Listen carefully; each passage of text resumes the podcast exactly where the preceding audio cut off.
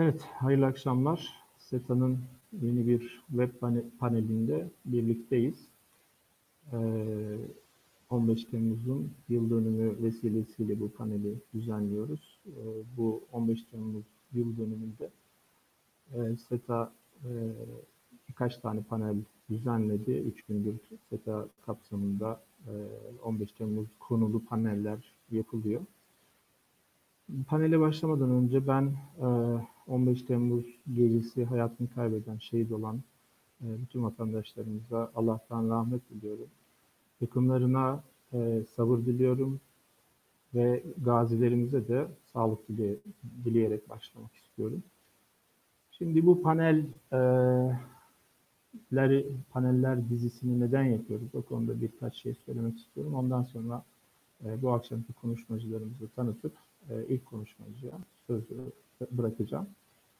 E, öncelikle e, yani bu 15 Temmuz akşamı yaşanan e, gelişmeleri hatırladığımızda e, bu gelişmeleri e, hatırlamak ve analiz etmenin, her boyutuyla analiz etmenin ne kadar önemli olduğunu e, bilmemiz gerekir. Bu çerçevede tam da bu hatırlatma ve e, her yönüyle yani sosyopolitik yönüyle, eğitim yönüyle, siyasal yönüyle, güvenlik boyutuyla e, değişik açılardan bu meselenin, e, o menfur hadisenin e, anlatılması, o darbe girişiminin anlatılması ve milletin e, bu darbe girişimi karşısında göstermiş olduğu dirayetli e, duruşun hatırlatılma, hatırlanması oldukça önemli.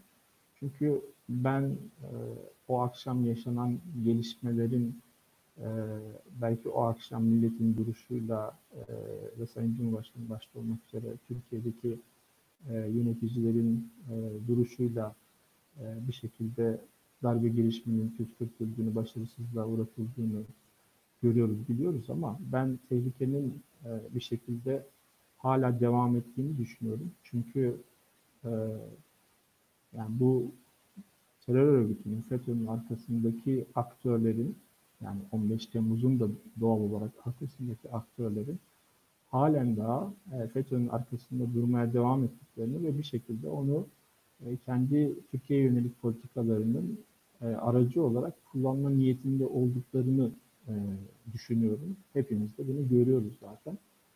Çünkü başta Amerika Birleşik Devletleri ve Almanya gibi ülkeler olmak üzere bu terör örgütüne yönelik e, gerekli adımları atmadıklarını görüyoruz, biliyoruz. Bu yüzden bu e, meselenin yani gerek 15 Temmuz'un gerekse e, FETÖ meselesinin e, tekrar tekrar konuşulmasının, hatırlanmasının ve söylediğim gibi değişik boyutlarıyla analiz edilmesinin ihtiyacının çok büyük olduğunu düşünüyorum. İşte bu çerçevede SETA e, paneller düzenliyor. E, çok sayıda kitapta çıkardı. FETÖ meselesinin anlaşılması, değişik boyutların anlaşılması için 15 Temmuz'un e, doğru anlatılması ve analiz edilmesi konusunda e, bu akşam da o panellerden bir tanesini gerçekleştireceğiz. Üç tane değerli konuşmacımız var. Ben konuşma sırasına göre onları kısaca e, tanıtacağım. Ondan sonra da ilk konuşmacıya sözü bırakacağım. Birinci konuşmacımız Profesör Doktor Kadir Ardıç, e, Sakarya Üniversitesi ve e, Kırgızistan Manas Üniversitesi öğretim üyesi. E, FETÖ'nün eğitim ayağının tasfiyesi konusunda özellikle Sakarya Üniversitesi'nde e, yönetici olarak e, ciddi görevler üstlendiğini, ciddi çalışmalar yaptığını bildiğimiz birisi. Dolayısıyla bu ayağını anlatacak bize. Onun dışında ikinci konuşmacımız Profesör Doktor Atilla Arkan, e, Sakarya Üniversitesi öğretim üyesi. Aynı zamanda e, SETA'da eğitim araştırmaları direktörü. E, o da e, dini boyutuyla e, FETÖ e, meselesini, FETÖ sorununu anlatacak. Üçüncü konuşmacımız da Profesör Doktor Muharrem Kılıç, Yıldırım Ankara Yıldırım Beyazıt Üniversitesi öğretim üyesi. O da sosyopolitik boyutunu anlatacak bize FETÖ meselesinin. İlk konuşmacımız Kadir Ardıç, Profesör Doktor. Kadir Hoca ile başlıyoruz. Evet, buyur Kadir Hocam. E, herkese e, iyi akşamlar diliyorum. E, ben de sözlerime Kemal Hocam'ın başladığı gibi 15 Temmuz'da şehit olan ve o gece gazi olan insanlarımıza, kardeşlerimize, büyüklerimize, küçüklerimize, şehitlere öncelikle Allah'tan rahmet diliyoruz. E, gazilerimize de sağlık, sıhhat, afiyet diliyoruz. E, onların yapmış olduklarını bu ülke asla unutmayacak. Dolayısıyla onlara çok müteşekkiriz. E, yıllar geçtikten sonra bu konu çok çok daha da iyi anlaşılacak.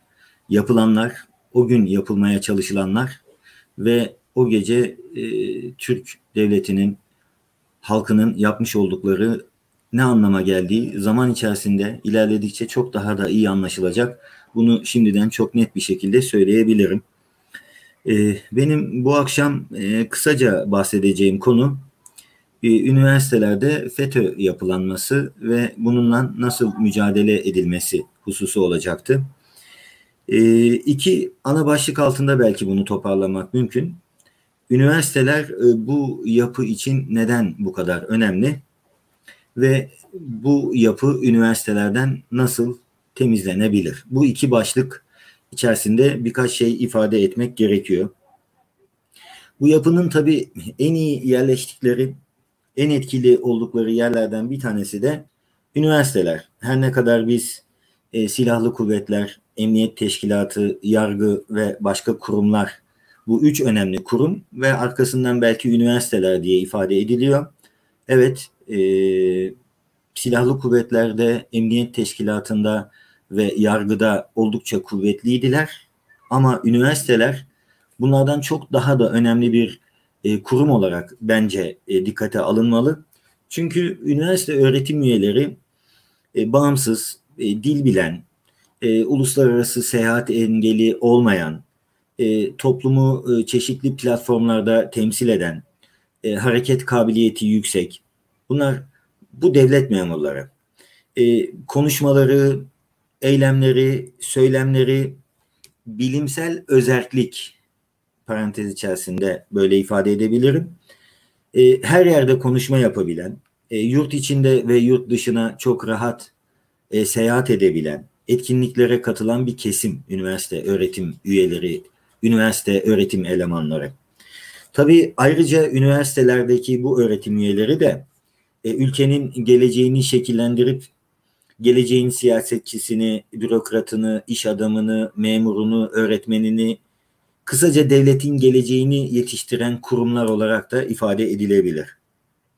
Dolayısıyla hani biz e, silahlı kuvvetler, emniyet teşkilatı ve yargıdan sonra üniversiteler diyoruz. Fakat e, 15 Temmuz darbe girişiminden sonra e, mahkeme kayıtları, savcılıkların yapmış olduğu e, e, incelemeler neticesinde ortaya çıkan bilinen bir durum var. O da pek çok kamu kurumunun imam diye tabir ettikleri yöneticileri üniversite hocalarından çıktığını görüyoruz. Dolayısıyla üniversitelerin bu yapıda ne kadar önemli bir rol aldığını da buradan öğrenme imkanına sahip olabiliyoruz. Tabii diğer kurumlardaki gibi üniversitelerde bu yapıyla mücadele biraz farklılık arz ediyor e, kanaatimce. En azından e, ben öyle düşünüyorum. Sebebi birazdan söyleyeceğim noktalardan baktığımızda o temas edeceğim ana hususlar bunu açıklayıcısı olacak diye ifade edebilirim. Mesela şöyle bir e, bir bir şey söyleyelim. E, FETÖ örgütünün talimatları doğrultusunda o dönem içerisinde Bank Asya'ya para yatırmamış. E, öğretim üyesini düşünelim. Baylok kullanmayan bir öğretim üyesini düşünelim. Ee, çeşitli sendikalara, onların sendikalarına o dönem içerisinde üye olmamış bir öğretim üyesini düşünelim. Ve sonuç itibariyle bu öğretim üyesiyle alakalı iş ve işlem tesis etmek durumunda kalacaksınız. Nasıl işlem tesis edeceksiniz? Diyelim ki bir X kişisi e, bankasya para yatırmamış. Baylok'u da yok. E, herhangi bir sendikaya üyeliği de yok. Ama mesela belli parametreler açısından buna bakmak gerektiğini ifade edeceğim. E, çocuğunu onların ilkokuluna, ortaokuluna, lisesine göndermiş. E, bu adı geçen X kişisi örneğin e, doçent atanmasında e, FETÖ yapısıyla o dönem içerisinde ilişkisi olduğu düşünülen jürilerden oluşturulmuş doçentlik jürisi. E, bu paralel devlet yapılanması diye söyleyebileceğimiz bu terör örgütüyle bağlantısı olduğu iddia edilen Bay A ile dört kez, Bay B ile beş kez, e, Bay C ile Bay D ile ikişer kez yurt dışı seyahati yaptığını, yurt dışı görevlendirmelerinin olduğunu,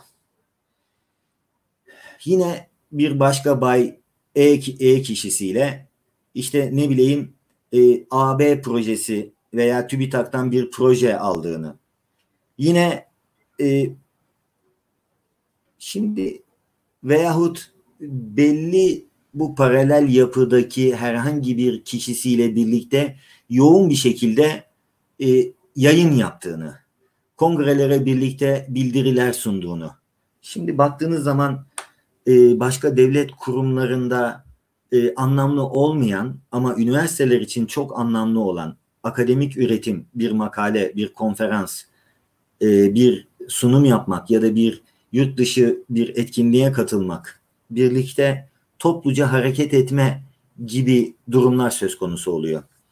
Şimdi aslında e, siz üniversitelerde FETÖ ile mücadele ederken belli noktalara yoğunlaşmanız gerekiyordu. E, ÖYP'liler o dönem içerisinde önemli. E, yurt dışında lisansüstü çalışmalar yapanlar, e, dil sınavları YDS, ÜDS, KPDS, yabancı dille gibi IELTS ya da TOEFL gibi e, sınav sonuçlarını alanlar. TÜBİTAK projeleri bilhassa belli zaman periyodu içerisinde o dönem TÜBİTAK'tan proje alanların bu yapıya bağlı olan insanlardan ben genelleme anlamında söylemiyorum ama belli bir dönem içerisinde bu yapının elemanlarının TÜBİTAK'tan veya devletin belli kurumlarından çok rahat proje aldıklarını bilebiliyoruz. Yurt dışına çıkışlar, bunların yapmış oldukları yayınlar, görevlendirmeler. Bir şirkete, bir başka üniversiteye, bir kamu kurumuna, kendi öğrencilerinin sınav jürileri, e, özellikle jürilerin nasıl teşekkül ettiği, enstitüler, sosyal bilimler, fen bilimleri, eğitim bilimleri ya da farklı enstitüler, özellikle eğitim fakülteleri, ben böyle başlık başlık söyleyerek sonra birer ikişer cümleyle içlerini doldurmak istiyorum. E, dile pelesenk olmuş e, bu konuya ilgi duyan, bu konuyla ilgili özel olarak çalışan katalog evlilikleri, araştırma görevliliği, öğretim görevliliği sınavları, e, teknoloji transfer ofisleri, çeşitli şirketlerde yapılan danışmanlıklar, e, akademik hayattaki hızlı yükselmeler, e, örgüte ait kurumlardan gelen davet mektuplarıyla bir yerlere gitmeler, çeşitli idari personelin ya da akademik personelin katıldığı sertifika programları, çeşitli kamu kurumlarına verilen sertifikalar, ÜAK, doçentlik jürilerinin belli tarihler içerisinde nasıl teşekkül ettiği, ÜAK'ta belli bir dönem nasıl etkin olmaya çalıştıkları, bütün bunlar ve başka da söyleyebileceğim başlıklar çerçevesinde mutlaka dikkate alınması gereken önemli hususlar. Yani siz üniversitelerde FETÖ yapılanmasını tamamen ortadan kaldırmak istiyorsanız e, devletin ortaya koyduğu sadece Baylok veya buna benzer bir takım yazılımlarla iletişim yapıp yapmadıklarına, Bank Asya'da paralarını belli bir dönem arttırıp arttırmadıklarına, belli sendikalara üye olup olmadıklarına bakarak karar verdiğiniz zaman çok eksik yapmış oluyorsunuz işinizi. Dolayısıyla bence belki e, üniversitelerde FETÖ yapılanmasını ortadan kaldırabilmek ve ayıklayabilmek adına böyle bir tablo düşünün. bu tabloda benim kendi çalışmam içerisinde belki ifade edebileceğim belki 25, 30, 35 parametre üzerinden tek tek analiz etmek ve bütüncül bir resmi görmek gerekiyor. ÖYP'liler belli bir dönem ÖYP'liler, ÖYP'lilerin tamamını ilzam etmek anlamında söylemiyorum ama e, yapılan araştırmalarda, yapılan çalışmalarda ÖYP'lilerin belli bir kesiminin bu yapı tarafından kontrol edilerek e, üniversitelere dahil edildiklerini biliyoruz. Dolayısıyla e, hiyerarşik kademede belki o dönem içerisinde ÖYP'liler en alt kademede akademik anlamda söylüyorum en alt kademede olabilir ama zaman içerisinde bunların öğretim üyesi, yardımcı doçent veya doktor öğretim üyesi, doçent, profesör ve belli noktalarda idareci olacaklarını düşündüğümüzde ne anlama geldiğini çok daha iyi anlayabilirsiniz.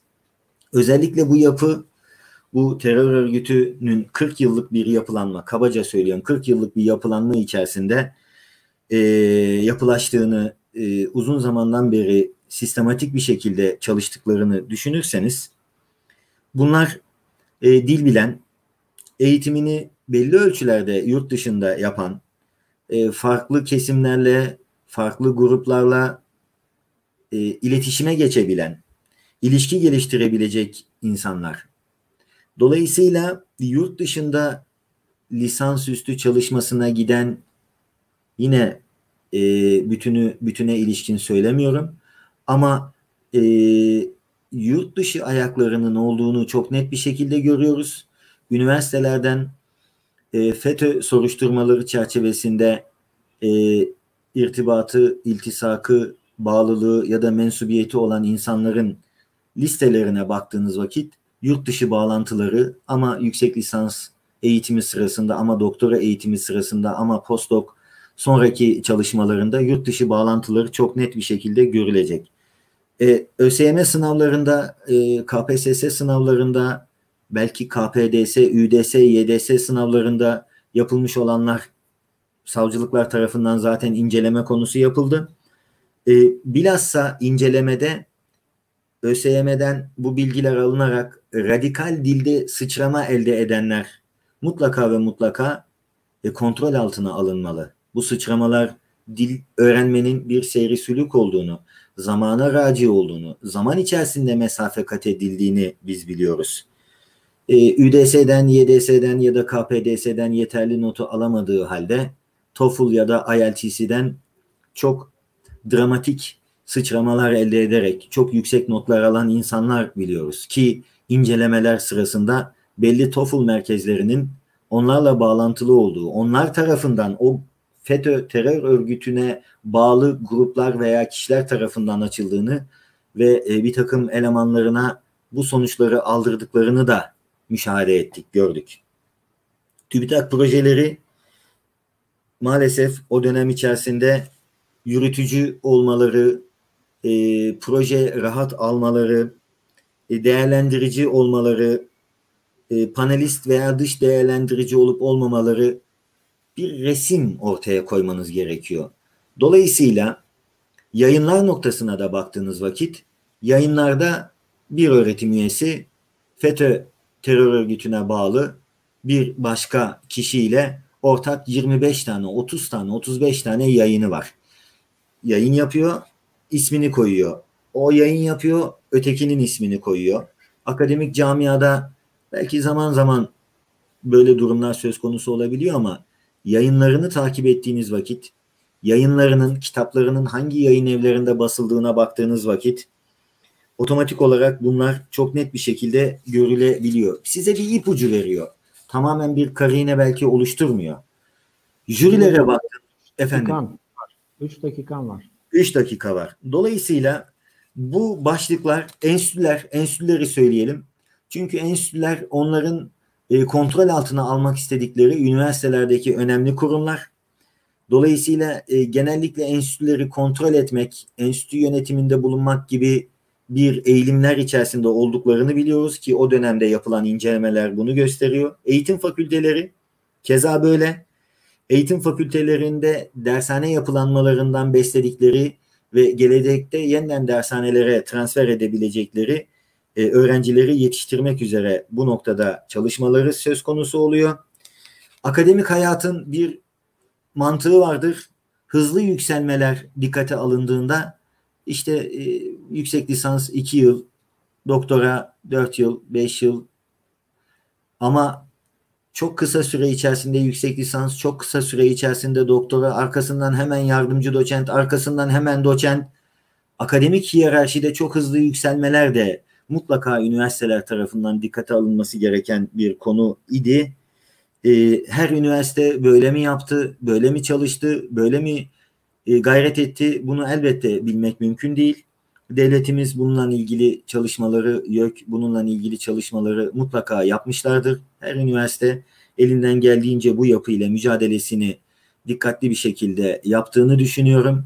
Ama e, başka kurumlarda olduğu gibi belli parametrelerin dışına taşmadığınız zaman üniversitelerde bu yapıyı çökertmeniz, bu yapıyı tamamen diskalifiye etmeniz mümkün değil. Dolayısıyla farklı bir gözlükle oradan çıkarak tepeden farklı parametrelerle, farklı e, noktalardan olaya yanaşmak gerekiyor diye düşünüyorum. E, benim bu noktada söyleyebileceğim son söz e, Kemal Hocam uyardı son birkaç dakika dedi. E, rehavete kapılmamak ve bu yapıyla mücadeleyi asla bırakmamak gerekiyor. Çünkü benim kişisel kanaatim bu yapıyla mücadeleyi bıraktığınız vakit yeniden bunlar kendi aralarında e, birlikte olup bir güç gösterisi içerisine girmeye meyyal olabilirler. Dolayısıyla bu yapının çökertilmesi konusunda hala çalışma gerekiyor. Ben bir öğretim üyesi olarak, üniversitede çalışan bir hoca olarak üniversitelerde de bu yapıyla hala mücadele edilmesi gerektiğini düşünen bir kişiyim. Ee, benim kabaca söyleyeceklerim üniversitelerde yapılması gereken hususların bu başlıktaki saydığım parametreler sadece 8-10 tane 15 tane parametre saydım. Farklı daha pek çok parametre var. Bu çerçevede düşünmek ve mücadele etmek gerekiyor diye düşünüyorum şahsen. Evet, teşekkür ederim Kadir Hocam. Ee, Kadir Hoca, ben de şahit oldum. Ee, hani bu yapının üniversitelerden sökülüp atılması, üniversitelerin bu yapıdan temizlenmesi konusunda gerçekten fiili olarak e, ciddi çalışmalar yapmış birisi. Dolayısıyla e, bu konuda tecrübesi de olan ve nelerin eksik kaldığını da iyi bilen birisi. O yüzden biraz hem o çalışmalardan edinmiş olduğu tecrübe çerçevesinde belki kısaca bize özetlemiş oldu ama e, son kısımda belki soru cevap kısmında biraz daha e, bazı şeyleri açma imkanı olabilir. Teşekkür ediyoruz Kadir Hoca'ya. Şimdi sırada Atilla Hoca var. E, Atilla Hoca Sakarya Üniversitesi İlahiyat Fakültesi öğretim üyesi. Bu yapının, FETÖ'nün e, araçsallaştırdığını ve e, din üzerinden e, yola çıkarak nasıl bir teolojik e, ideoloji e, ürettiğini anlatacak bize. E, buyur Atilla Hocam. Kemal Hocam teşekkür ederim. Ee, ben de her şeyden önce 15 Temmuz'un anlamına dair e, cümleyle başlamak isterim. Hakikaten 15 Temmuz Türk milletinin kendi geleceğine e, siyasal liderlikle beraber sahip çıkıştır. Kendi geleceği hususunda karar verişidir. E, şimdi ve bu vesileyle de şehitlerimize Allah'tan rahmet dilerim. şüphesiz ki mekanları cennettir, âlidir. E, gazilerimize de yaptıkları fedakarlıklardan dolayı hem minnettarız hem de şükran borçluyuz.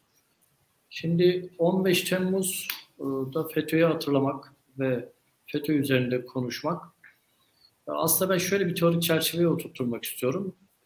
15 Temmuz'ları bir daha yapmaya ihtiyacımız olmasın. Ve bu 15 Temmuz'dan e, ders alalım isterim.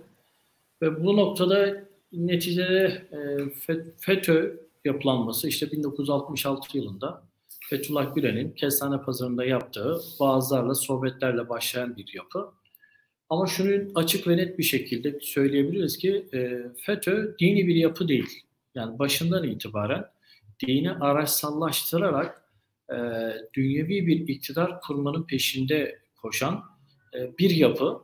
E, dolayısıyla e, bunu başta bir görmemiz gerekiyor. Çünkü e, yine 15 Temmuz'dan sonra hatırlayacağınız gibi e, 4 sene boyunca sürekli olarak hani dini cemaatlerin e, bir tehdit olduğuna dair seküler kesimden, e, sol kanattan eleştiriler var. E, tabii ki ben şunu söylemiyorum. Dini cemaatlerde de manyak patolojiler olabilir ama bunu FETÖ benzetmek ve onun üzerinden okumak gerçekten büyük bir haksızlık olur.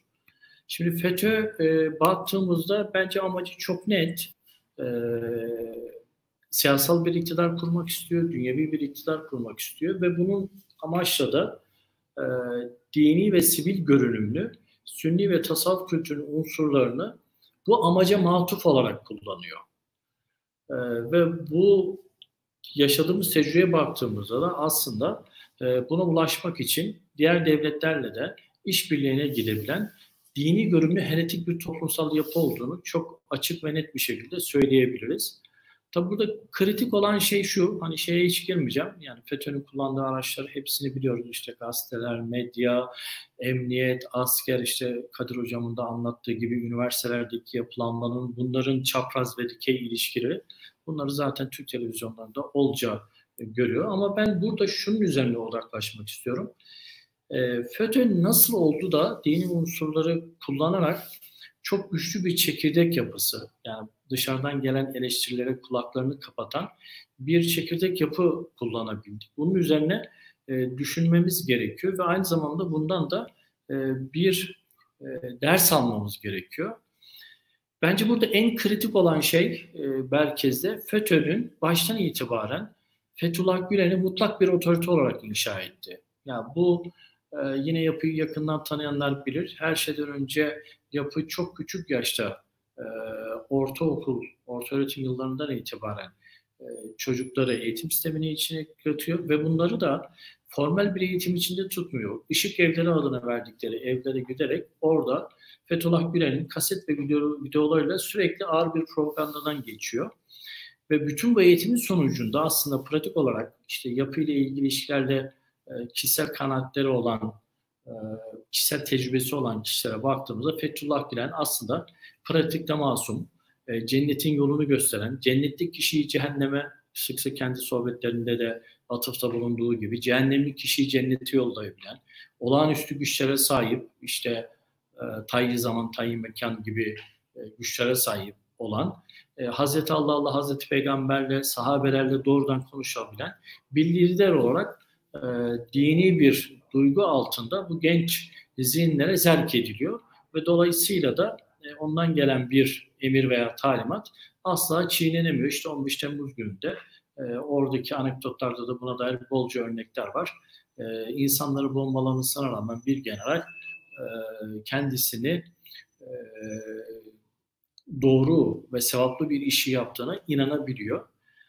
E, cemaatin burada e, Fethullah Gülen'i temel bir lider olarak, yani masum bir tırnak içerisinde dini kaynak olarak vaaz ettikten sonra yaptığı e, belli uygulamalar. Bunlardan bir tanesi yalıtma ve izolasyon süreci. Cemaat içerisine e, giden kişinin günlük pratikleri, görüşeceği kimseler ve ailesinden kademeli olarak uzaklaşması ve en nihayetinde Türk toplumundan tamamen e, kopartılması temin ediliyor. Ve böyle cemaate dahil olan, iç çekirdeğe dahil olan kişinin e, FETÖ dışında hiçbir anlamlı bilgi ve iletişim ve sosyalleşme kaynağı kalmamakta. Hatta bunu yine cezaevlerinde de görüyoruz. Orada da aynı şekilde bütün top, yaşamlarını beraber yemek yemeyi, sosyalleşmeyi, yürümeyi, yatmayı yine beraber yapıyorlar. Bu da işte e, cemaatin o tipik kontrol mekanizmasını gösteriyor.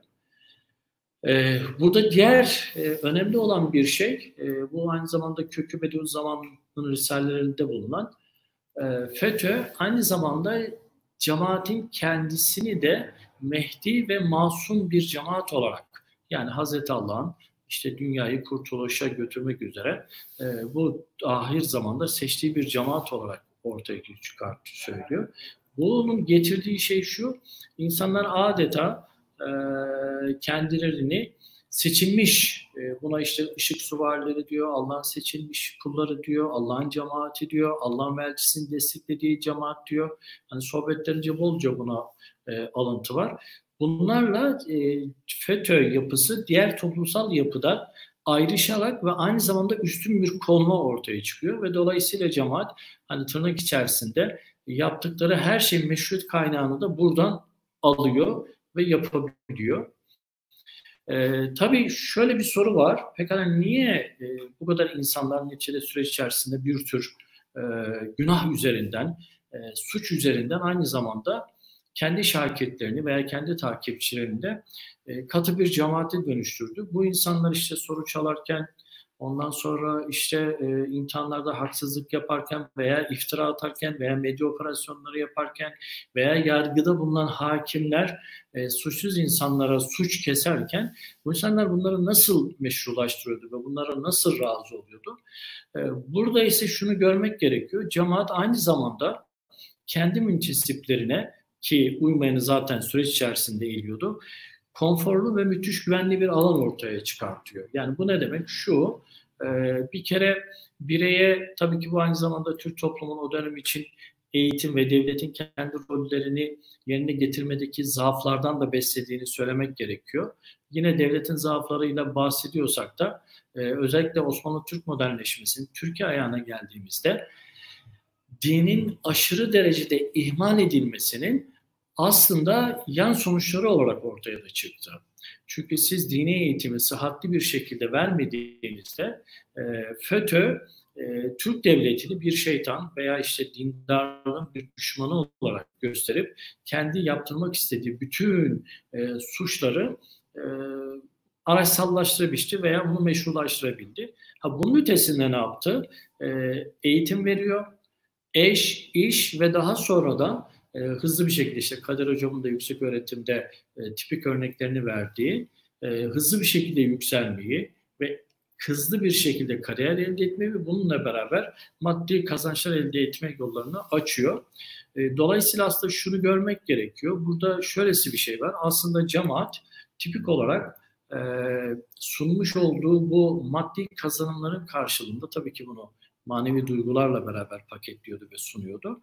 E, bireyin özgürlük alanını ve insani olarak düşünebilme ve hata yapabilme alanlarını ortadan kaldırıyordu. Bunu vurgulamamın sebebi şu, eğer bir toplumsal yapı böylesi patolojik halleri gösteriyorsa bunun sıhhatsiz olduğunu ve e, başka amaçlar için kullanılabileceğine dair de e, Türk toplumunda bir hassasiyetin oluşması gerekiyor. Bunun altını çizmek için e, söylüyorum. Tabii FETÖ bunun dışında e, aynı zamanda bireyi e, işte kendi organize şamasında da net bir şekilde gösterildiği gibi özellikle emniyet ve askeri şeyde çok sıkı bir kontrol ağıyla, istihbarat ağıyla da aynı zamanda takip ediyor ve cemaatin öngördüğü şemanın dışına çıkıldığında da şefkat tokadı adını verdikleri Hazreti Allah'ın işte kulu uyarması için göya söylediği bir tedbire başvuruyor ve cezalandırılıyor. Halbuki bu açık bir şekilde ya cemaatin ya da istihbarat, cemaatin istihbarat üyeleri tarafından Fethullah Gülen'e iletilen veya abilere, hiyerarşik e, abilere iletilen şeylerin sonucu olarak ortaya çıkıyordu. Ve bireye bu manevi olarak işte abilere veya Gülen'e aktarıldığı şeklinde aktarılıyordu. Şimdi pekala dini anlayışın e, FETÖ'nün bütün bu kötülükleri yaparken kullandığı dini ideolojinin beslendiği neresi, ana unsur ne? Aslında iki tane ana unsur var. E, diğer unsurlara baktığımızda yani klasik İslam'ın imanın şartları kullanılıyor ama iki unsur öne çıkartıyor. Birincisi Fethullah Gülen'in masumluğu. Başta da söylemiştim. Bu çok merkezi bir unsur ve sürekli olarak buna e, söyleniyor. İkincisi de cemaatin seçilmişliği meselesi. Eğer siz bir cemaati seçilmiş hale getirdiğinizde artık birçok günahı veya olumsuz durumu meşrulaştırma imkanı elde ediyorsunuz ve bunu da 15 e, Temmuz'a giden süreçte Türk toplumu fazlasıyla gördü. Şimdi ben e, Kemal Hoca muhtemelen ilk uyarmadan önce söyleyeyim. Peki 15 Temmuz nasıl bir e, hasarda oluşturdu. E, bir kere şöyle, e, özellikle 15 Temmuz'dan sonraki sol e, yapılan tartışmalardan gördüğümüz gibi e, Türk toplumun dini ve manevi alana ve dini yapılara olan güveninde müthiş bir sarsılma oldu. Bu başka bir boşluğu ortaya çıkartıyor aslında. Yani diğer taraftan da eğer siz e, dini toplumsal hayattan çıkarttığınızda ahlakın ve manevi alanında metafizik temellerini ortadan kaldırıyorsunuz. Ve dolayısıyla ciddi bir şekilde anlamın buharlaştığı ve sekülerleşmenin hızla arttığı bir dünyaya doğru gidiyorsunuz. Bence bu en temel sorunlardan bir tanesi ve Türkiye bununla e, ciddi bir şekilde bence uzlaşacak. E, diğer bir hasar e, neticede e, FETÖ yapısının içerisindeki olan insanlar e, bir yanıyla bu Türk toplumun çocukları, diğer yanından da işte e, ciddi nitelikli eğitim almışlar ve aslında ezilen insanlar yani ve bu insanların hayatları kayıp, bunların çocukları kayıp ve bu da ciddi bir şekilde Türk toplumunda oluşan bir şey. Ben içeride bu insanların doktoralarının yaklaşık 500 bin, 1 milyon dolara yakın bir Türk devleti bunlara maliyet üretti. Bu da aslında bizim ağır kayıplarımız arasında e, görmemiz gerekiyor. E, diğer bir iş şey ise, bunu çok fazla konuşmuyoruz ama bunun altını çizmek gerekiyor. 15 Temmuz'la beraber biz din, devlet ve dini yapılar arasındaki ilişkileri konuşmuyoruz. Bunları erteliyoruz. Halbuki bunları yaşadığımız toplumsal gerçekliklere uygun bir şekilde konuşup yeni çözümleri ve yeni ilişki biçimlerini üretmemiz gerekiyor. Bu ertelenen sorunlar da e, Türk toplumunun önünde bence ciddi e, yansıma olarak ileride gelecek. Şimdi e, bu 15 Temmuz ve FETÖ'yle yaşadığımızda ne dersleri çıkarmamız gerekir? Aslında yukarıda sunduğum şeylerle de ilişkili. Birincisi Türkiye şunu başarmak zorunda. Entelektüelleriyle, ma- e, muhalefetiyle ve iktidarıyla din devlet ilişkilerini sağlıklı bir zemine oturtmamız gerekiyor. Eğer biz bunu yapmadığımız takdirde e, Türkiye'de bulunan başka dini olmayan bir yapıda, seküler bir yapıda araçsallaştırarak yine Türk devletine bir e, tehdit haline dönüşebilir. Bunun bir garantisi yok. Ha bunun garantisi ne? Şu, eğer yukarıdaki patolojiler yani bir kişi kendi toplumundan kopuyorsa, bir kişi tırnak içerisinde ağır bir kontrol altındaysa ve eleştiri yoksa, açık toplum özelliklerini tamamen kaybetmişse bu toplumda bir maraz olduğunu, küçük toplumsal grupta bir maraz olduğunu ve rahatlıkla e, tırnak içerisinde kullanılabileceğine dair bir sezginin bizde veya çocuklarımızda oluşması gerekiyor. E, buna dair bir farkındalığın oluşması gerekiyor. E, diğer bir şey dediğim gibi e, ve bunu da aslında attığımız şeyin de Türkiye'deki gerçekliğini de söylerim.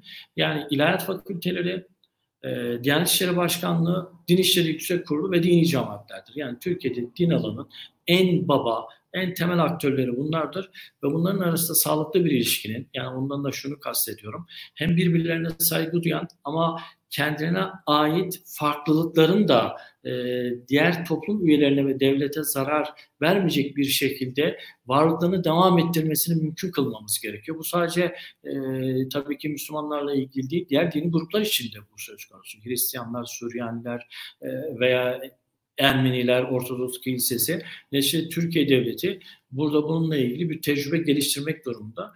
Diğer bir tecrübe alacağımız alan ise e, şu, CHP'nin bence burada e, özellikle e, görmesi gerekiyor.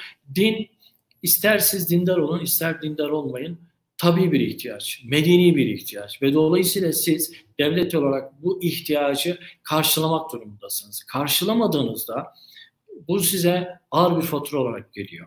Ve 15 Temmuz'da bir yanda hani hazırlayan sebep olarak gördüğümüz şey bu. Yani Türkiye Cumhuriyeti'nin ilk dönemlerindeki dinin değersizleştirilmesi ve dini eğitimin ötelenmesinin oluşturduğu boşluğu FETÖ açık bir şekilde kullandı ve karşımıza büyük bir maliyet olarak ortaya çıktığını rahatlıkla söyleyebilirim. Ee, evet Kemal Hocam zamanıma itiraz, itiraz dikkat etmiş Teşekkür ediyorum. Atilla Hocam gayet zamanı düzgün kullandın. Ee, aslında e, ben seni uyaracağım zaman 5 dakikan var diyecektim. Rahat konuş diyecektim ama sen de zaten o 5 dakikayı doldurdun. Ee, belki son kısımda soru soru gelirse sorularla açabiliriz. Teşekkür ediyorum. Evet. Ee, o zaman vakit kaybetmeden ben e, 15 Temmuz direnişinin sosyal ve politik açıdan e, nasıl okunması gerektiği konusunda sunumunu yapacak olan Muharrem Hoca'ya e, dönmek istiyorum. Muharrem Hoca buyur. Hocam ses mikrofonu açarsan. Ee, öncelikle tamam. teşekkür ediyorum Haziran'a, Sayın Başkan sizlere de. Ee, ben de tabii rahmet ve minnetle anarak 251 şehidimiz var. Onları rahmetle anıyorum, minnetle yad ediyorum. Gazilere acil şifalar, sağlık, afiyet diliyorum. Ee, gerçekten e, tarihin e, belki dünya siyasi tarihi açısından baktığımız zaman eşsiz bir tabloyu, eşsiz bir durumu idrak ettik. Belki onun o sıcaklığında e, tümüyle belki ihata edip belki kavrayamadık, belki algılayamadık ama zaman geçtikçe, gün geçtikçe işte bu e, bugünlerde dördüncü yılını idrak ediyoruz. Belki yıllar geçtikçe, yıllar üzerinden e, geçtikten sonra belki farklı boyutlarını, farklı yönlerini daha iyi algılama imkanı olacak. E, diğer kıymetli e, konuşmacı hocalarımın da ifade ettiği üzere bu konu aslında e, birçok boyutuyla ele alınması gereken, yani bu bir güvenlik sorunu, e, bu bir e, siyasal iradenin e, inkıtaya uğratılması noktasında bir müdahale e, ya da bir junta e, grubunun ya da asker üniforması giymiş bir junta ekibinin müdahalesi e, ve buna karşı bir e, müdahale karşı darbe olarak e, nitelendirilmesi yeterli değil. Çünkü bunun arkasında ciddi bir e, sosyolojik arka plan var. Az önce Atilla Hocam ifade etti. Ciddi bir teolojik arka plan var. Onun için bu çok boyutluluğu çerçevesinde konunun ele alınması gerekiyor. E, tabii bu ta başından beri e, köşe yazarlığı da yaptığım dönemlere de tesadüf etmişti haftalık. E, o yazılarımda da ifade ettim. Yani bunu e, sadece bir anma vesilesi, sadece bir e, e yıllık işte e, şehitlerimizin e, arkasından taziye mesajları iletme vesilesi olarak değil de bunun bir literatür olarak hatta ulusal düzeyde değil de uluslararası ölçekte bir dünya literatürüne katkı yapılacak siyasal anlamda, siyasal ya da siyaset bilimi bağlamında e, ya da sosyolojik anlamda da yine hakeza farklı boyutlarıyla literatüre e, katabileceğimiz, kavramsallaştırabileceğimiz bir alan olarak görüyorum. Yani buradan akademisyenlere, üniversitelere de belki bir e, kısmen bir serzeniş olsun belki. Yani Batı dünyasında malumunuz dünya siyasi tarihinde bazı hadiseler, bazı kırılma noktaları e, biraz da prospektif bir şekilde, geleceğe dönük bir şekilde inşa edilen anlatılara, tarihsel anlatılara dönüşüyor.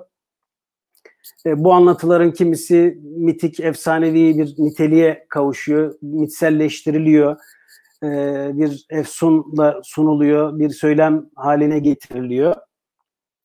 E, bizim de buna, bu belki bu anlatıya, bu genel tarihsel anlatıya, demokrasi bağlamında 15 Temmuz pratiğini bir şekilde kavramsallaştırmamız, teorize ederek dahil etmemiz gerektiğini düşünüyorum burada bir entelektüel e, sorumluluğun olduğunu, bir entelektüel namus meselesinin olduğunu bunu ifade ederek sözlerime başlayayım. Biraz girizgah uzun oldu ama e, e, bunu iğneyi de belki kendimize batırmak suretiyle bunu söylemiş olalım. Bu çok boyutluluk çerçevesinde bir derinleşme gerekiyor. Şimdi ben öncelikle e, 15 Temmuz'un işte analiz edilmesinde, tahlil edilmesinde e, sosyopolitik bağlamda bir şeyler söylemeye çalışacağım. İşte politik boyutu özellikle e, siyasal boyutu dikkate alındığında öncelikle görmemiz gereken, dikkate almamız gereken şey şu başlıkta da ben e, Sayın Başkan size de iletmiştim. E, 15 Temmuz'u bir e, aktif direniş hakkı olarak nitelendiriyorum. E, ki bu genel kamu hukuku literatüründe ya da genel anlamda e, siyasal e, ya da siyaset bilimi çerçevesinde dillendirilen, kavramsallaştırılan, tarihsel arka planı işte kimilerince Sokrates'e kadar dayandırılan bir hak olarak, kamusal bir hak olarak telaffuz ediliyor. Tabi doktriner farklılıklar söz konusu. E, fakat ben bunu bir 15 Temmuz'u kendi zaviyemden bir hukukçu olarak e, şey olarak görüyorum. Bir bu genel kamu e, perspektifiyle baktığımız zaman e, halkın iradesini egemen güce devrettiği, delege ettiği iradesinin çalınması, aşırılması, hırsızlanması ne derseniz deyin teşebbüsü karşısında bir meşru müdafaa e, hakkı, bir nefsi e, e, o şeye karşı, o müdahale karşısında e, kişinin nefsini müdafaa etme hakkı olarak telakki edilmesi gerektiğini ifade etmem gerekiyor. E, bu noktada belki e, bunun bir demokratik hak olduğunu ifade etmiştim. E, bu demokrasi peki nedir diye bir soru burada anlamlı olduğunu düşünüyorum. Tabii ki demokrasinin neliğine dair siyaset bilimi literatür açısından baktığımız zaman e, yani 2500 yıllık bir antik bir antikitesi olan tarihsel arka planı olan bir e, yönetim biçimi olmakla birlikte e, yaklaşık işte liberal anlamda baktığımız zaman bir 150 yıllık, bir buçuk asra yakın bir tarihsel arka planı var. Yani revaç bulması ya da işte dalgalar halinde e, insanlığın siyasi tarihi açısından ülkelerin, ulusların bir yönetim biçimi olması noktasında bir tarihi arka planı var. Hatta Huntington'ın tercümesi de yapılmıştı demokratikleşme dalgası diye. E, bunu üç dalga halinde ifade ediyor. İlkini birinci dalgayı e, 1974'tü yanlış hatırlamıyorsam İspanyol devrimi ile e, başlatıyor. Milada o tarih tarihi baz alarak ifade ediyor. Daha sonra e, Birinci Dünya e, Harbi son, e, e, bunun bunun sonrasında özellikle İkinci Dünya Harbi'nin akabinde ortaya çıkan bir demokratikleşme dalgasından çok uzun sürmese de işte 60'lı yılların başlarına kadar olduğunu sonra bunun ters dalga olarak tekrar otokratik yönetimler, totaliter yönetimlere bir dönüş eğilimi gösterdiğini dünyada ifade ediyor. Üçüncü dalgayı da e, 1970'li yılların sonları dan başlatıyor. Üçüncü demokratikleşme dalgası. Ee, bunlar tabii ki insan yani siyasi tarihimiz açısından baktığımız zaman, dünya siyasi tarihi açısından bakıldığı zaman e, bu dalgalar demokratik e, e, iradenin derinleşmesi, demokrasi fikrinin e, derinleşmesi ya da farklı anlamlılık dünyalarına çekilmesi işte e, katılımcı demokrasi e, mesela bu kavramsallaştırmalardan bir tanesi. Yani daha aktif bir şekilde. Çünkü malumunuz olduğu üzere ilk ortaya çıktığı e, Atina sitesinde ya da e, 2500 yıl öncesine gittiğimiz zaman orada e, e, bir temsiliyet durumu söz konusu olmadığı için doğrudan demokrasiyle halk kendi iradesini tecelli ettirebilecek bir mekansal, bir zamansal e, uzan bir bağlam bulabiliyordu. Ama tabii e, demokrasinin yeniden e, malum modern e, siyaset kültüründe ya da modern siyasal pratikte yer bulması temsil fikrinin, temsiliyetin kabulüyle birlikte ortaya çıktığını görüyoruz.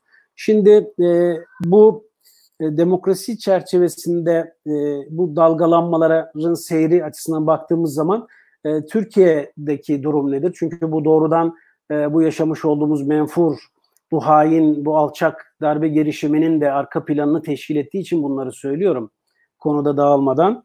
E, Türkiye'nin demokrasi pratiği açısından baktığımız zaman tam da Huntington'ın ifade etmiş olduğu üzere e, bu 62'den itibaren işte bir süreliğine belli bir süreliğine o daralmanın olduğunu da ifade ediyor. Fakat bizim serüvenimiz çok partili e, hayata geçişle birlikte demokratik tecrübemiz kör topal işte e, demokrasinin temel unsurları açısından genel e, oy ilkesi, e, oyda eşitlik ilkesi gibi bazı ilkeleri yok sayan ya da e, kusurlu, eksikli bir demokrasi pratiği söz konusu. E, fakat e, en büyük darbe de tabii ki hepimizin malumu olduğu üzere ülkenin başbakanını, dışişleri bakanını e, idam sehpasına götürme ayıbını sergileyen bir darbe. E, 1960 darbesinden söz ediyorum. Tabii bununla da sınırlı kalmayan bir süreç. Demokrasilerimiz sürekli siyasal e, demokratik iradenin ya da millet iradesinin inkıtaya uğra- uğratıldığı işte muhtıralar 71 muhtırası, 80 darbesi, akabinde e, 2007 yılında e, bir anlamda muhtıra niteliğinde bir e, uyarı malumunuz olduğu üzere 28 Şubat'ı yine hakeza saymamız gerekiyor ve son olarak da bu 15 Temmuz'daki kalkışmayı ifade etmemiz gerekiyor. Bunlar arasında da bir e, nasıl bir ilişki var? Yani e, bizim demokrasi e, demokratik yaşama geçtiğimiz süreçten bu yana bu inkıtalardan darbelerden müdahalelerden farklı bir zemine oturduğunu ifade etmemiz gerekiyor. E, mesela 60 darbesi açısından baktığımız zaman bunun bir e, junta e, ordu içerisinde bir juntacı grubun e, darbesi, müdahalesi ve e, egemen e, siyasi iradenin, millet iradesinin alaşağı edilmesi durumu söz konusu.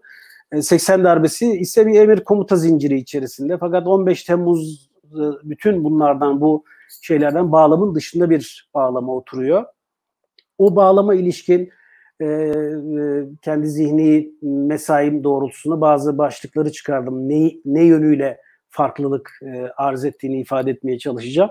Öncelikle şunu söyleyebilirim maddeler halinde. E, öncelikle bunu girizgahta da ifade etmiştim. E, demokratik bir hak olarak nitelendirmemiz gerekiyor. Meşru müdafaa hakkı az önce de söylemiştim. Bunu e, genel kamu literatürü çerçevesinde ifade ettiğim üzere bir e, aktif, eylemli bir halk direnişi e, olarak ortaya koymamız gerekiyor. Ama hepimizin malumu siyasi tarih okumalarımızdan işte Fransız ihtilali e, ile birlikte yaşanan işte e, sokakların, meydanların kan gölüne dönmesi, binlerin, on binlerin, yüz binlerin e, kesilmesi, asılması meydanlarda her bir devrim, her bir ihtilal, her bir bu türden müdahillik ya da müdahale e, zaruret haline e, e, mebni olarak ortaya çıkan şeylerde bu türden durumlar şiddet hallerinin ortaya çıkması doğallık arz ediyor belki. 15 Temmuz'u bütün bu siyasi, dünya siyasi tarihindeki diğer devrimler, ihtilallerden de ayrıştıran ya da Türkiye'deki az önce ifade ettiğim darbeler tarihi açısından e, ayrışan noktası, ayrışık noktası bir anlamda herhangi bir şiddet faktörünün olmaması. 251 şehit verdik. Hepimizin malumu bütün kentlerde insanlar farklı siyasi görüşlerden, farklı meşreplerden, farklı etnik kökenlerden bütün insanların toplumsal anlamda e, e, Sayın Cumhurbaşkanı'nın tabii ki e, liderliği ve yönlendirmesi doğrultusunda o gece e, herkesin sokağa akın akın çıktığını biliyoruz. Hepimiz benzer birçok öyküler, hikayelerimiz var. Her birimizin var o geceye ilişkin yaşadığımız travmalarımız var, acılarımız var, e, gururlarımız var. E, o açıdan baktığımız zaman bu yönüyle ya düşünün böylesi bir olay hadise meydana geliyor. Dünyanın işte Amerika'da malumunuz olduğu üzere e, siyahi direniş ya da e, polis şiddeti üzerine öldürülen siyahi yurttaşın e, şey üzerine yaşanan hadiseleri görüyorsunuz. Yağmayı görüyorsunuz. Farklı şiddet türlerini görüyorsunuz. Fakat o gece e, hiçbir yağma hadisesinin olmadığı kayıtlarını e, okumuştum. Hiçbir yağma durumu söz konusu değil. Hiçbir şiddet hadisesi e, ortaya çıkmış değil. E, onun için insanımız zaten o sahneleri hepimiz yüreklerimizi yakan o sahnelerle tankların karşısında gururla aslında e, şey sergilediklerini, can e, siperhane mücadele ettiklerini görüyoruz. E, bir başka nokta e, bu halk direnişinin bir demokratik anlamda milli iradenin konsolide edilmesini, konsolidasyonunu e, imkan, e, konsolidasyonunu mümkün hale getirdiğini ifade etmemiz gerekiyor.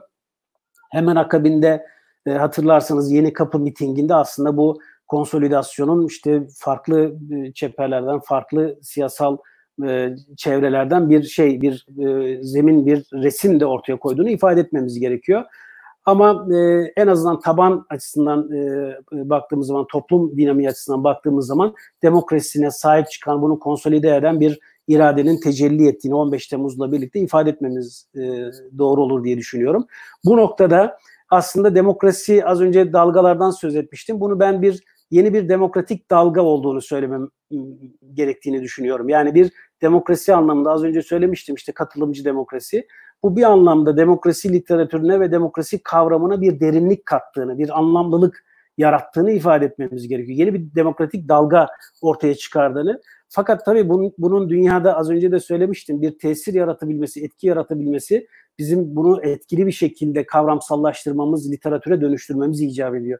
Hikayemizi anlatmamız işte görsellikler üzerinden ya da sözlü anlatılarla değil de e, e, yazınsal olarak ifade etmemizin daha doğru olacağını düşünüyorum. Bir başka unsur e, devlet millet bütünlüğü e, anlamında da yani milletin yani iktidarda işte tamam e, seçtik ama e, falan işte ne yapalım işte gücü elinde bulunduran iktidarı ele geçirir şeklinde bir bilganelik daha önceki mesela 80 darbesinde yaşanan e, duruma benzer bir durumun olmadığını görüyoruz. Herkesin iradesine e, e, eşit oy ilkesi çerçevesinde oyunu vererek egemen iradeyi tayin ettiği iradesine yani vekaletnamesine bir anlamda sahip çıktığını görüyoruz. Bir başka unsur e, devlete bunu az önce Atilla Hocam da ifade etti din devlet ilişkisi bağlamında.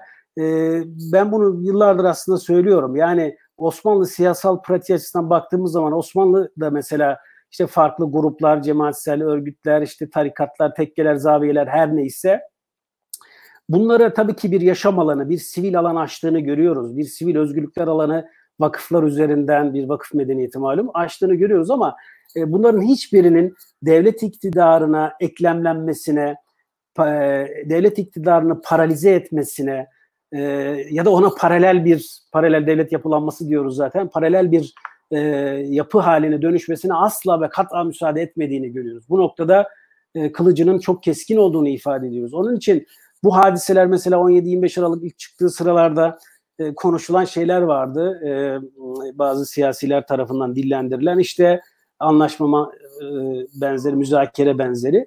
E, devlet iktidarı e, ki Bodin bunu egemenlik kavramına malumunuz olduğu üzere kavramsallaştıran e, büyük düşünürlerden e, egemenliğin bölünmezliği ilkesi söz konusudur. Egemen irade bölünemez. Herhangi bir grup, herhangi bir junta, herhangi bir e, kolektif yapı tarafından bu paylaşılabilir bir şey değildir. Onun için bu 15 Temmuz aslında e, bunun da bir anlamda e, önünü kestiğini ifade etmemiz gerekiyor. Biraz sosyal yönüyle ilgili Kemal Hocam ekrana geldi belki de uyaracak ama hemen toparlıyorum Kemal Hocam.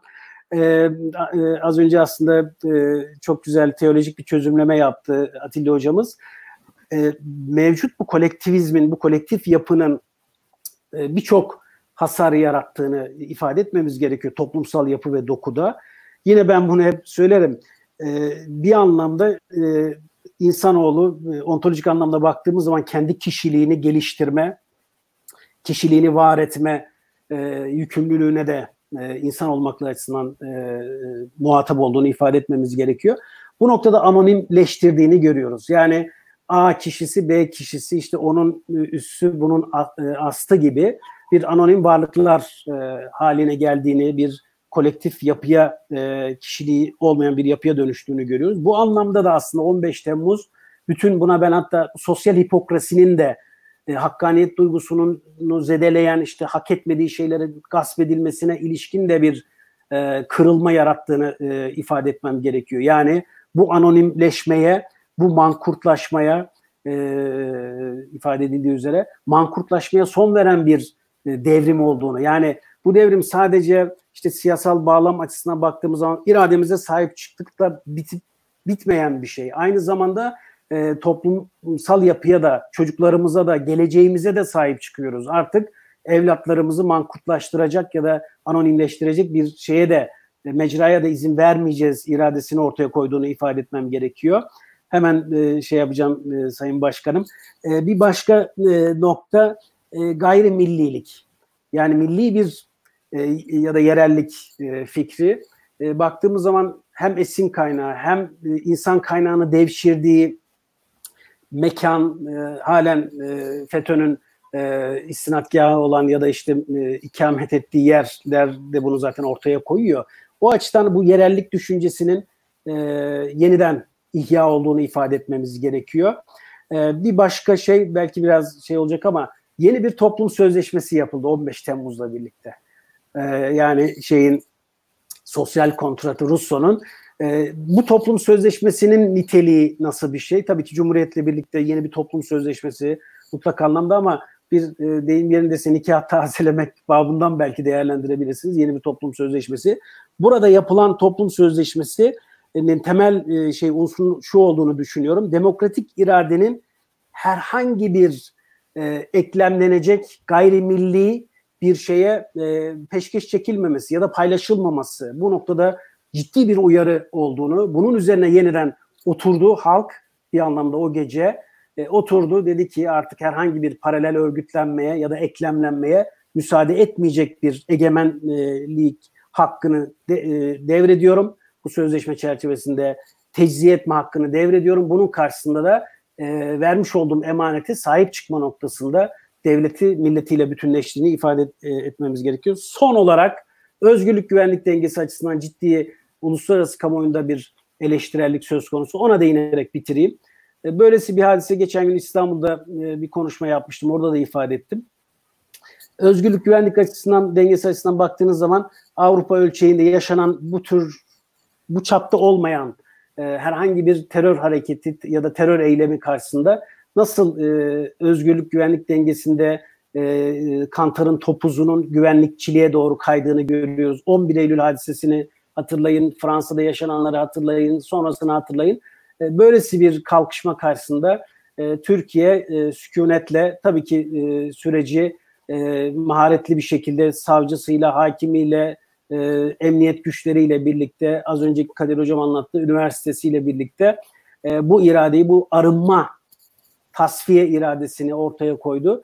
E, onun için özgüvenli bir biçimde de özgürlükler noktasındaki iradesini çıkarılan yargı paketleri, reformlarla birlikte zaten ortaya koyuyor. Sabırla dinlediğiniz için teşekkür ediyorum. Süremi açtım herhalde. Sağ olun. Estağfurullah. Teşekkür ediyorum Muharrem Hocam. Ee, şimdi evet bir saati doldurmuş olduk. Dolayısıyla e, ben herkese birer tane soru yöneltip işte beşer dakika içerisinde bu soruları cevaplamanızı rica edeceğim. Yine aynı sırayla gidip Kadir Hoca'ya e, bir soru sorarak başlamak istiyorum. Kadir Hoca'yı göreyim önce. Evet. Şimdi Kadir Hocam, e, üniversitelerde e, bu yapıyla mücadele, FETÖ'yle mücadele çerçevesinde e, bunun iki ayağı var aslında. Sen de gayet iyi biliyorsun. Birinci ayağı, ya bu yapıya mensup olan, işte da bu yapının önemli e, mercilerinde bulunmuş olan kimselerin e, bu kurumlardan, üniversitelerden temizlenmesi, üniversitelerden tasfiye edilmesi meselesi. Bu ayaklardan bir tanesi. E, ikinci ayağı da aslında belki çok konuşulmayan ayağı e, üniversitelerdeki e, akademisyenlerin e, az önce aslında konuşmacılardan birisi değinmişti.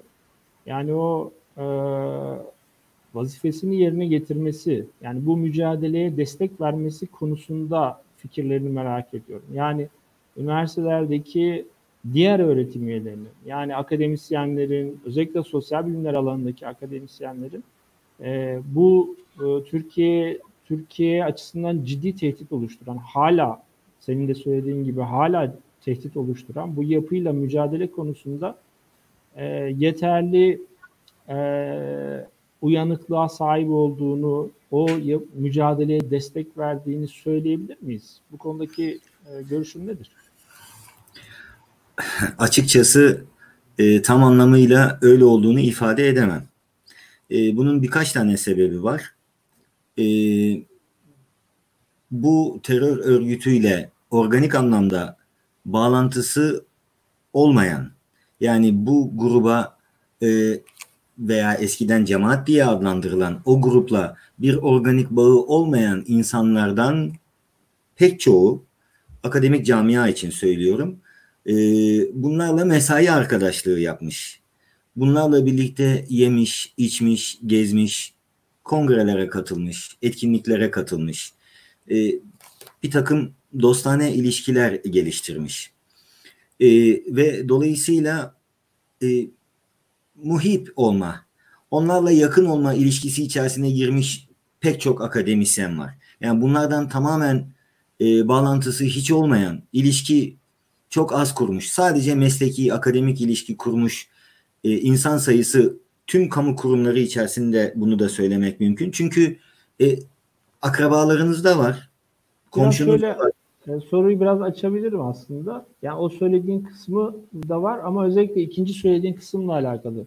Yani hiçbir şekilde yolları kesis, kesişmese bile e, akademisyenler çünkü bu mücadelenin gerçekten farklı boyutları var. Mesela dış boyutu var. Yani dışarıda anlatılması. Çünkü biz biliyoruz ki e, başta Amerika Birleşik Devletleri ve Avrupa olmak üzere yurt dışında bu yapının nasıl bir tehlike arz ettiğinin e, anlaşılmadığını görüyoruz. Yani bunun anlatılması gibi meseleler de dahil olmak üzere. Tamam. Hem orası hem içerideki boyutu, içeride içeride halka anlatılması. Yani işte sosyologların, e, ilahiyatçıların, içeride anlatması, işte belki uluslararası ilişkilercilerin, siyaset bilimcilerin dışarıda anlatması, o sorumluluğu üstlen üstlendiklerini söyleyebilir miyiz akademisyenlerimizin? Yok, yok, yok. Tam anlamıyla değil. Ben e, Sakarya Üniversitesi örneğinden baktığım vakit o dönemin e, 15 Temmuz darbe girişiminin akabinde Sakarya Üniversitesi e, özellikle uluslararası ilişkiler bağlamında,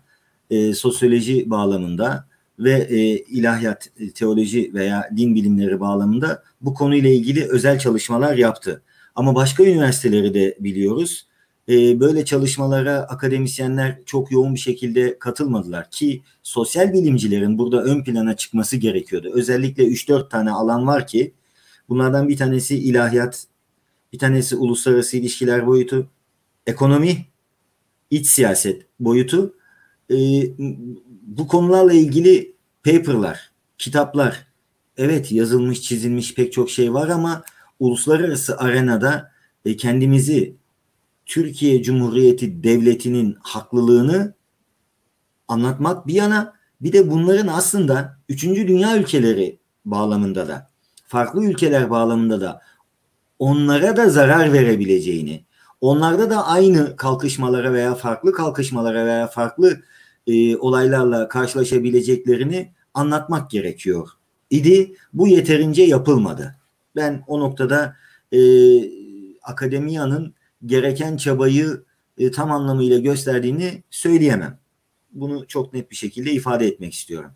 Öteki taraftan iç bünyede de yani yeterli miktarda temizlik yapıldı. E tamam. Yeterlidir noktasında olduğunu düşünüyorum. Yöneticiler nezdinde de üniversite yönetimlerini kastederek söylüyorum. Üniversite yönetiminde de e, belli bir ölçüde bir temizlik yapıldı. E, diğerleri çok da öyle bariz değil. Dolayısıyla bu konuda e, fazla taşın altına elini koymak gibi bir durum içerisinde olunmadığını biliyorum.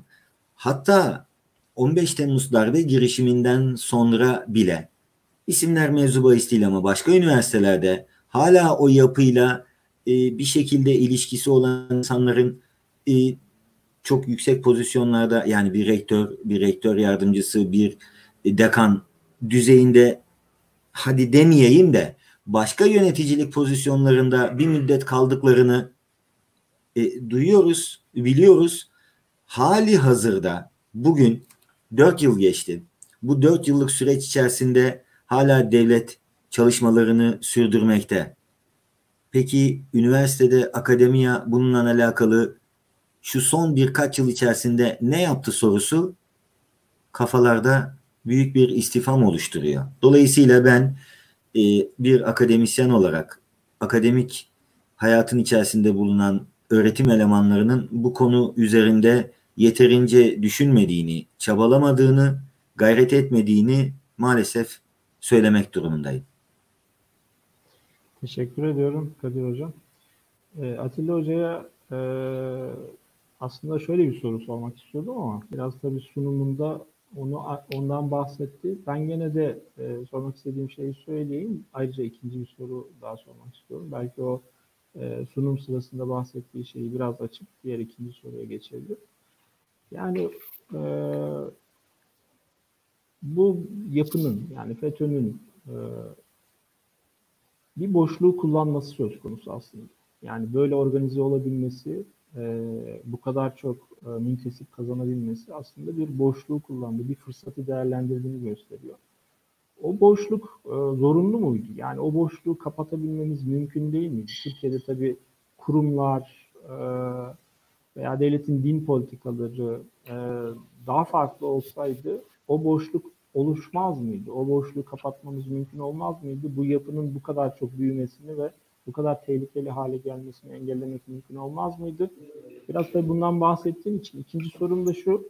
E, belki Kadir Hoca'ya sorduğum soruya e, paralel bir soru olarak düşünebiliriz bunu. E, yani bu yapının e, dini araçsallaştırarak hipnotize etmiş olduğu kitleler var. Hala bu işte hala tehlikeli diyorsak bu yapı e, bir kısmı tabii dışarıda bu yapının arkasındaki aktörlerin hala ona sahip çıkması ama biraz da içerideki e, o müntesiplerinin e, ondan vazgeçmemesi. Aslında o hipnotize olmuş olan kitlelerin hala ona bağ, bağlı kalmaya devam etmesi o bağlılığın ortadan kaldırılması konusunda aradan 4 yıl zaman geçti. Ee, neler yapılıyor? Yeterli görüyor musun?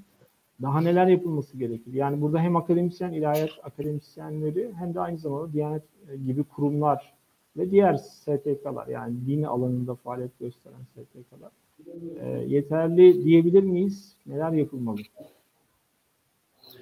Şimdi Kemal Hocam sorular için teşekkürler. Şimdi birinci soruyla ilgili söyleyeyim. Ee, şimdi aslında e, boşluk alanı ile ilgili üç tane şey var. Hani ana başlık olarak görmemiz gereken boşlukta. Bir tanesi dini eğitim alanı. Hani onun Osmanlı Türk modernleşmesiyle ilgili kısmını söyledik. Ee, CHP'nin ilk dönem işte dini değersizleştirmesi, dini eğitimi. Yani bu zaten bildiğimiz şey.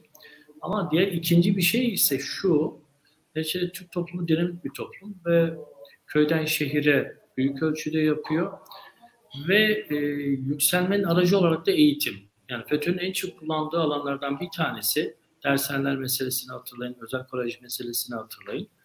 Eğitimdeki şey. Dolayısıyla Türkiye'nin e, bu noktada eğitimde e, tırnak içerisinde sosyal adaleti sağlayacak ve kaliteyi olabildiğince eşit yayabilecek politikalara ihtiyacı var. Bence bu alan olduğu gibi duruyor. Yani e, çok ciddi bir şekilde e, şey olarak duruyor. E, tabii ki yani neticede Türkiye kendisine hat bir tarihi var. Eğitimdeki sorunlar kolay halledilecek sorunlar değil ama bunun orada durduğunu görmemiz gerekiyor. Şimdi din eğitimiyle ilgili hani neler yapıldığı ile ilgili aslında AK Parti iktidarlarında din eğitimiyle ilgili büyük ölçüde bence mesafe kat edildi.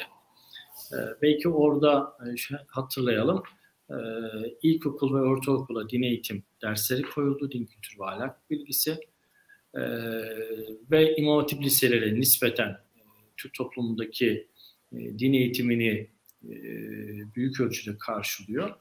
Burada reform ihtiyacı var mı? Var. Din kültürü ve ahlak bilgisi kısmına baktığımızda özellikle e, tabii ki bu sadece onlarla ilgili Milli Eğitim Sistemi'nin genel sorunu yansıtır bir şekilde e, insan kaynağının yani öğretmenlerin e, niteliklerinin e, çocukların kendi iletişim kapasitelerine uygun bir şekilde güçlendirilmesi gerekiyor. Bu bütün e, derslerle ilgili ama din alanında siz bunu yaptığınızda başka bir boşluk ortaya çıktığı için e, sıcağına sıcağından bunu söylüyoruz. E, İmam hatiplerle ilgili ise bence e, programın revizesi gerekiyor. Çünkü neticede hani yüksek öğretimde de yaptığımız gibi ders türünü ve ders saatini azaltarak özellikle beceri odaklıya doğru gidiyoruz. Dolayısıyla imam hatiplerin belli bir sağlıkta hem sayısını hem kalitesini koruyabilmesi için bence program düzeyinde revizyona ihtiyacı var. Şimdi Eğitimle ilgili ise o uzun bir bahis ona girmeyelim ama onu bilmemiz gerekiyor. Yani eğer Türk devleti e, eğitimde sosyal adaleti ve kaliteyi olabildiğince eşit bir şekilde dağıtmıyorsa e, burasının bir e, suistimal alanı olduğunu bilmesi gerekiyor. Yani sadece dini alanda değil, özel e, dershaneler veya dershane demiyorum ama özel okullar da bunu istismar edebilir. Dolayısıyla devletin burada e, bir bence kalite sergilemesi gerekiyor. Ve bu anlamda da Milli Eğitim Bakanlığı'na çok ciddi e, sorunlar düşüyor ve bunun da algı yönetimin ötesine geçmesi gerekiyor. Yapısal reformların yapılması gerekiyor. Bu da aslında belli. Aynı İmam Hatip meselesinde söylediğimiz gibi öğretmen niteliğinin sürekli gelişen bir hale getirilmesi gerekiyor. Ve bizim eğitimin yönetimini kaliteyi devam ettirebilecek bir şekle doğru götürmemiz gerekiyor. Bunun da en temel önermesi e, olabildiğince kaliteyi yerelden ve yerinden yönetmek. E, bu noktada alacağımız çok yol var bence il, ilçe milli eğitim müdürü, okul müdürlüklerinin yetkileri zaten e, çok belli. Büyük ölçüde disiplin amiri gibi hala çalışıyorlar. E, dolayısıyla bunun eğitimin kalitesine doğru gitmesi gerekiyor. Şimdi üçüncü asıl mesele ise hani din devlet ilişkileriyle ilgili. Hani devletin e, işte Muharrem de ona atıfta bulundu. Özellikle Osmanlı uygulamasına baktığımızda meşayih dediğimiz e, yani tarikatları ve tekkeleri tırnak içerisinde belli ölçekte tabii kendi dönemiyle ilgili olarak bir kontrol mekanizması var. Ha, bu kontrol mekanizması askeri anlamda değil. İşte şey efendinin kalitesi burada istismarın olup olmaması, vakıflardaki mali imkanların nasıl kullanıldığı, burada suistimal olup olmadığı. Yani şimdi Türk devleti burada ciddi bir zaaf var. Yani buna dair hiçbir alanınız yok sizin. İşte malum tekke ve zaviyeler kanunu ile ilgili olarak bu alan tamamen gayri hukuki bir alan olarak duruyor ve de facto alan üzerinden e, yönetiliyor. Ne kadar yönetiliyorsa e, ve dolayısıyla da e, sosyal medyada da e, çok çarpık e, tartışmaları görüyoruz. Bu bir sıhhatsizlik doğuruyor aslında. Bence üçüncü alanda bu. Bu üçüncü alanda ben çok bir şey yapıldığı kanaatini değilim. De facto olarak gidiyor. Tam bir e, kör dövüşü var. E, tabii ileride ne olur, nasıl olur? Türkiye'nin geçirdiği süreç buna izin verir mi? O ayrı bir şey. Hocam ikinci neydi? İkinci soruyu bir hatırlatırsan. Yani mevcut aslında birinciyle alakalı yani mevcut kitlenin yani bu FETÖ mensubu mevcut kitlenin e, koparılması konusunda orada da tabii Evet, teolojik tamam. boyutu var bunun. Tamam. Ya doğrusu e, e, benim gözlemim tabii yanlış olabilirim. E, yorumcular veya dinleyiciler burada katkı yapabilir. E, daha Türkiye buraya gelmedi. Yani şu soruyu sormuyoruz. Yani neticede e, FETÖ'den FETÖ'nün beynini yıkadığı, ve tırnak içerisinde bir araca dönüştürdüğü veya Muharrem'in dediği gibi anonimleştirdiği, kişiliksizleştirdiği, tabiri caizse tankın bir dişlisine dönüştürdüğü bu insanlar ne olacak? Ee, buna dair çok çalışmıyoruz. Ee, ve bununla ilgili çalışacaksak hani teolojik tarafını yani bu kişilerin e, tırnak içerisinde o inanç esaslarına dair ama daha ondan da daha önemlisi e, bir tür e, psikolojik danışmanlık tarafına da girilmesi gerekiyor. Yani yapının e, aslında zaman zaman konuştuğumuzda e, PKK'nın çok benzer yönleri var. Yani ağır endoktrinisyon meselesi, misyon yükleme meselesi, Türk devletini şeytanlaştırması meselesi aynı demiyorum. Ama yapıya felsefi olarak, yapısal olarak baktığınızda bunun işlediğini görüyorsunuz. Belki daha buraya girmedi Türk devleti. Bununla ilgili araştırmalar da çok. Daha çok hani e, FETÖ'nün tehdit olması, işte diasporada yaptığı olumsuzlar, uluslararası ilişkilerde oluşturduğu olumsuzluklar bunları nispeten konuşuyor ki o da doğru. Yani FETÖ aynı zamanda yurt dışında diasporada marjinalleşecek ve Türkiye aleyhine tüm gruplarla da ittifak ilişkisine girecek ve giriyor. Onu da zaten görüyoruz. Ama bunun önemi Türkiye içerisindeki bu yapıya dahil olmuş kişilerin tırnak içerisinde yapı hani teolojik olarak ve psikolojik olarak yapı çözümünün e, değersizleştirmiyor veya önemsizleştirmiyor. Buna da ciddi bir çaba sarf etmek istiyor. Tabii bunun sorumlusu e, üniversitelerimiz diyebiliriz veya ilgili sosyal hizmetler birimlerimiz diyebiliriz. Biraz herhalde ateş sıcak. E, insanlar da tabii Kadir Hocam'ın işarettiği için belki yapıyla e, farklı beşeri münasebetler içerisinde ilişkiye girmiş. Bence bu yapı bu sorun konuşulmuyor. Benim tespitim bu. Evet, teşekkür ederim Atilla Hoca'ya. Muharrem Hoca'ya e, sorumu yönelteyim. Önce göreyim Muharrem Hoca'yı. Evet, e, Muharrem Hocam. E, evet. Şimdi buradaki klasik soru şu aslında. 15 Temmuz'da e, ben güzelce özetledim. Önceki darbe girişimlerinden farkını anlattım. Yani farklı bir dinamik vardı orada ve e, önceki girişimlerden farklı bir sonuç ortaya çıktı. Yani o direniş e, ortaya çıktı. Şimdi buradaki klasik soru şu aslında. Aradan 4 yıl geçmiş. E, bugün Allah göstermesin öyle bir e, hadise gerçekleştirilmeye çalışılsa FETÖ ya da başka bir e, aktör tarafından sonuçta bunların genellikle dışarıda e, ki başka bazı aktörler tarafından desteklendiğini biliyoruz. Aynı refleksi yani Türkiye devletiyle, milletiyle, kurumlarıyla aynı refleksi göster gelecek mi? Yani o e, hazırlık derecesine, düzeyine sahip miyiz? E, yoksa daha önceki darbe girişimleri gibi e, bu sefer bir takım ihmaller... Ses kesildi ama. Öyle mi? Gelmiyor mu ses? Geliyor mu sesim? Ses, Geliyor ses kesildi. Ses şimdi geldi üstadım. Son söylediğinizi ha, duyamadım. Şimdi geliyor. Ee, tamam herhalde bir e, bende bağlantı sorunu oldu. Ee, şöyle kısaca e, toparlayayım. Yani daha önceki darbe girişimlerinden farklı olarak 15 Temmuz'da farklı bir dinamik devreye girdi ve e, o direniş ortaya çıkmış oldu.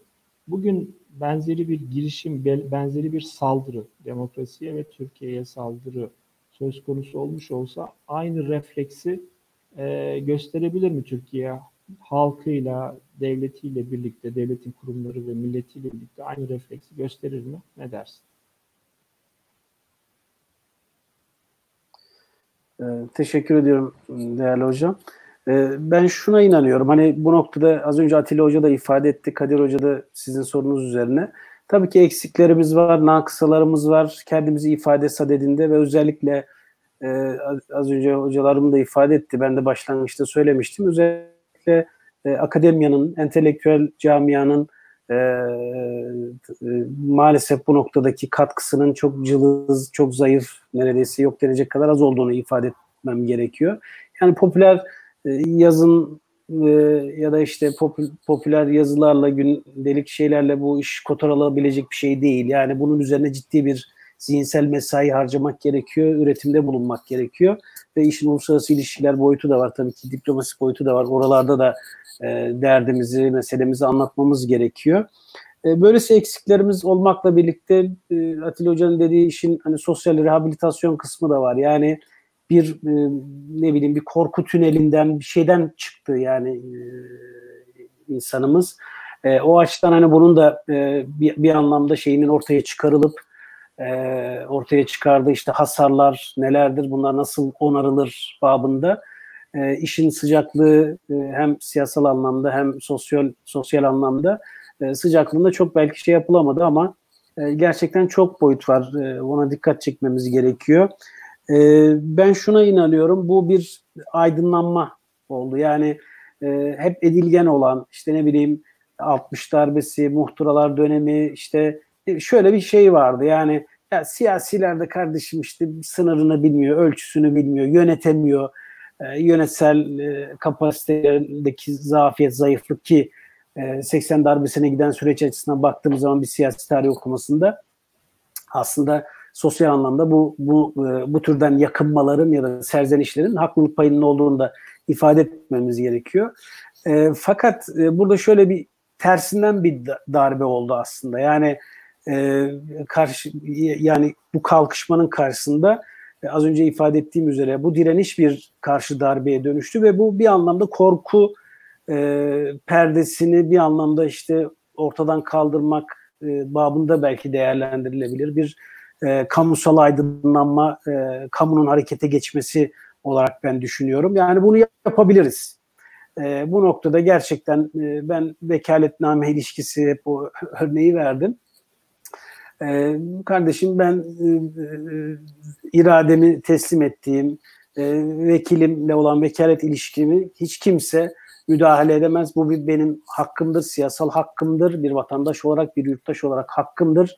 E, ben bunu oyumla tayin ettim ki mesela burada e, Popper'ın malumunuz olduğu üzere e, derken demokrasinin nimetleri ya da güzel yönü itibariyle iktidarın kansız bir şekilde el değiştirmesi. Yani beğendiğiniz e, kişiyi belki seçemeyebilirsinizler ama yani beğenmediğinizde indirme imkanınız söz konusu ve bu suhuletle olan bir şey. Oyunuzla e, eşitlik temelinde oy hakkınızla bunu gerçekleştirebiliyorsunuz.